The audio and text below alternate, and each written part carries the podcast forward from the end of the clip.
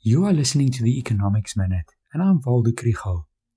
It's Friday, and today I want to talk about interesting research. Behavioral economists examine, among other things, the psychological impact of poverty. They argue that being very poor has a mental burden that frequently keeps people poor. Planet Money tells the story of a group of researchers who studied workers at a factory in India. The workers are subsistence farmers who make clay plates part time at the factory. They work at the factory when their agricultural income is at a low point.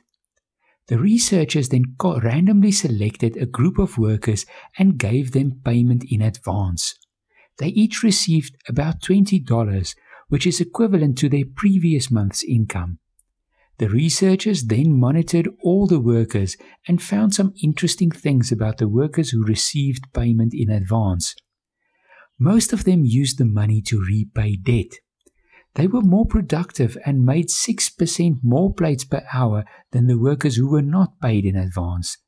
And they also made fewer mistakes. The conclusion is that once workers got rid of the psychological burden of their financial problems, they became more productive. Sometimes the burden of poverty can be so heavy that it's also a reason why people cannot escape poverty. This is something to think about now that the 450 Rand unemployment grant that people received during the lockdown has ended, and the Minister of Finance has to think hard about how he spends his budget. If you want to learn more about the economy, follow the Econ 101 page on Facebook.